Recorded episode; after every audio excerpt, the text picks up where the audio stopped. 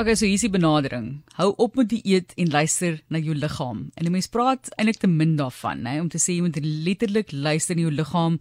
Jou liggaam is besig om met jou te praat en is op soveel maniere besig om vir jou te sê hierdie werk goed vir my, hierdie werk nie vir my goed nie. Hierdie gaan vir jou verdere moeilikheid gee in die toekoms. Hierdie gaan nie en ek preek hard vir myself ook hier. Vandag geregistreerde dieetkundige Karin Meyer wat met ons gesels en sy sê die hele ding van die eet is nou een ding, maar jy moet na jou liggaam luister. En Karin, baie welkom aan jou. Wat bedoel jy met ons moet na ons lyf luister? Wat is die wat is jy waarna moet ons luister? Is dit is dit jou hartklop is te hoog of moet jy sien jy lyk net nie mooi in die spieël nie? Waarna verwys jy? OK, dankie Marlies, dankie vir die geleentheid. En dis eintlik 'n gelaaide vraag wat jy vra, maar kom ek antwoord hom so. Ehm um, om te luister na jou lyf is so basies om as om na jou lyf syne op te let wat jy nou basies beskryf het en toepaslik te kan reageer.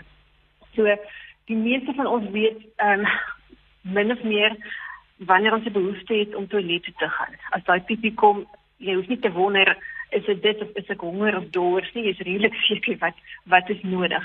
So aan die een kant is dit so eenvoudig soos dit. En dink dit is belangrik om te weet ons het 'n ingebore vermoë waarmee ons gebore is om na ons lyfsyne te kan luister.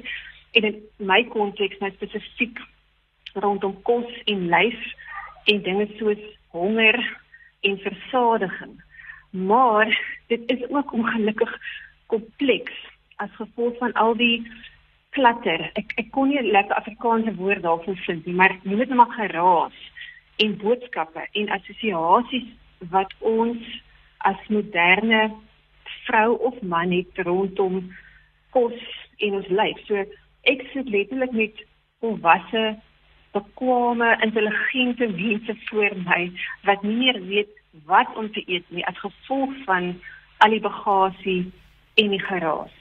So wat eintlik 'n relatiewe eenvoudige ehm um, life skill moet wees, het, het baie kompleks geraak in die tyd waarin ons lewe. Ek het so gelag eintlik ver oggend. Jy weet, mense moet ook net maar die positiewe of die snaaks daarin sien.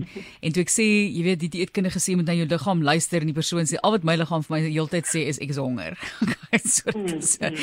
dit is 'n moeilike moeilike ding om te onderskei om meer gesond te wees, maar jene en dan sê iemand van joh, hulle geniet dit so in die middel van die nag as die krag nou afgegaan het, miskien van beerkrag of roodkos. Hulle wil opstaan en gaan hulle kom bys toe en kyk hulle in die yskas, wat is daar om aan te hap byvoorbeeld. Dit is al wat hulle wil doen. So mense moenie na daai luister nie. Mense moet ook net die regte goed seker in jou liggaam luister. Ja, maar miskien kan ek net daarso sê as mense ehm um, ek sal ook net daaroor sê as mens minder ehm um, reëls het rondom wat jy mag en wat jy nie mag nie, dan het jy groot vryheid om werklik na jou lyf te luister.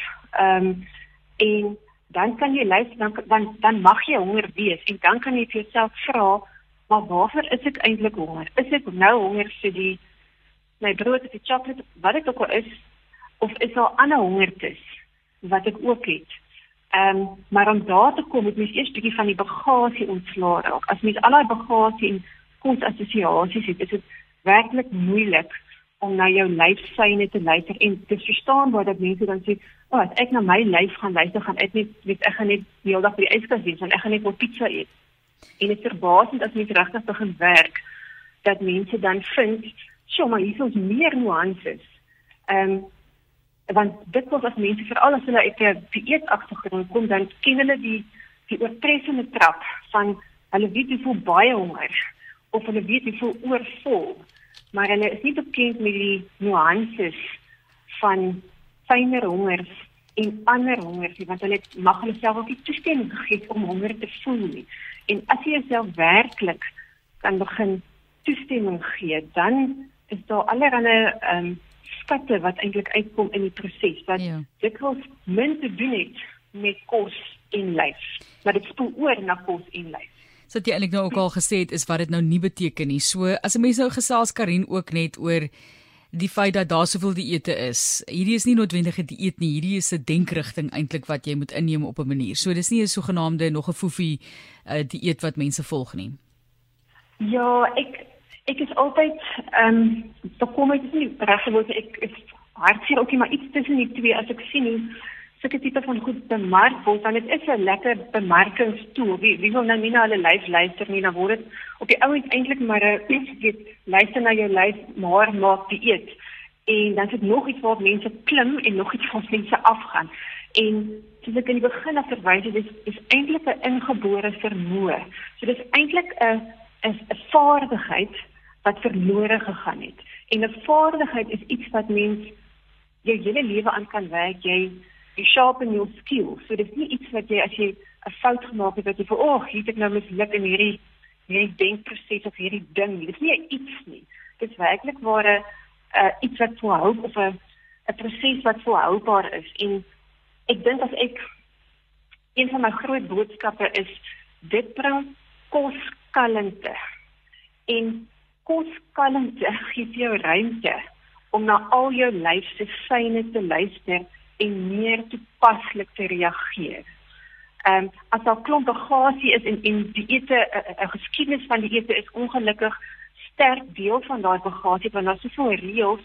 Ehm um, ek werk met mense wat letterlik nie weet wat om te eet nie want hulle het al weet gegaan van hulle mag nie koolhidrate eet, hulle mag nie hulle moet vegan gaan, hulle moet net vleis eet. Um, hulle is totaal en al ehm um, oorgelaat aan aan hierdie tipe van reëls en dit heeltemal voeling met hulle self verloor. So kos kalmte gee vir jou daai spasie om dan te kan begin werk en te kyk maar wat is my wat is my hongertes? Hoe voel ek bietjie honger? Ehm um, wat werk vir my? So dit vat nie ehm um, jou kop uit die uit die prentjie uit nie, maar ek sê sê jou lyf as jou lyf syne nie in plek is nie, kan jy maar elke dieet onder die son probeer en min of meer weet waar jy gaan terugkeer um, op 'n plek wat nie volhoubaar is vir jou nie.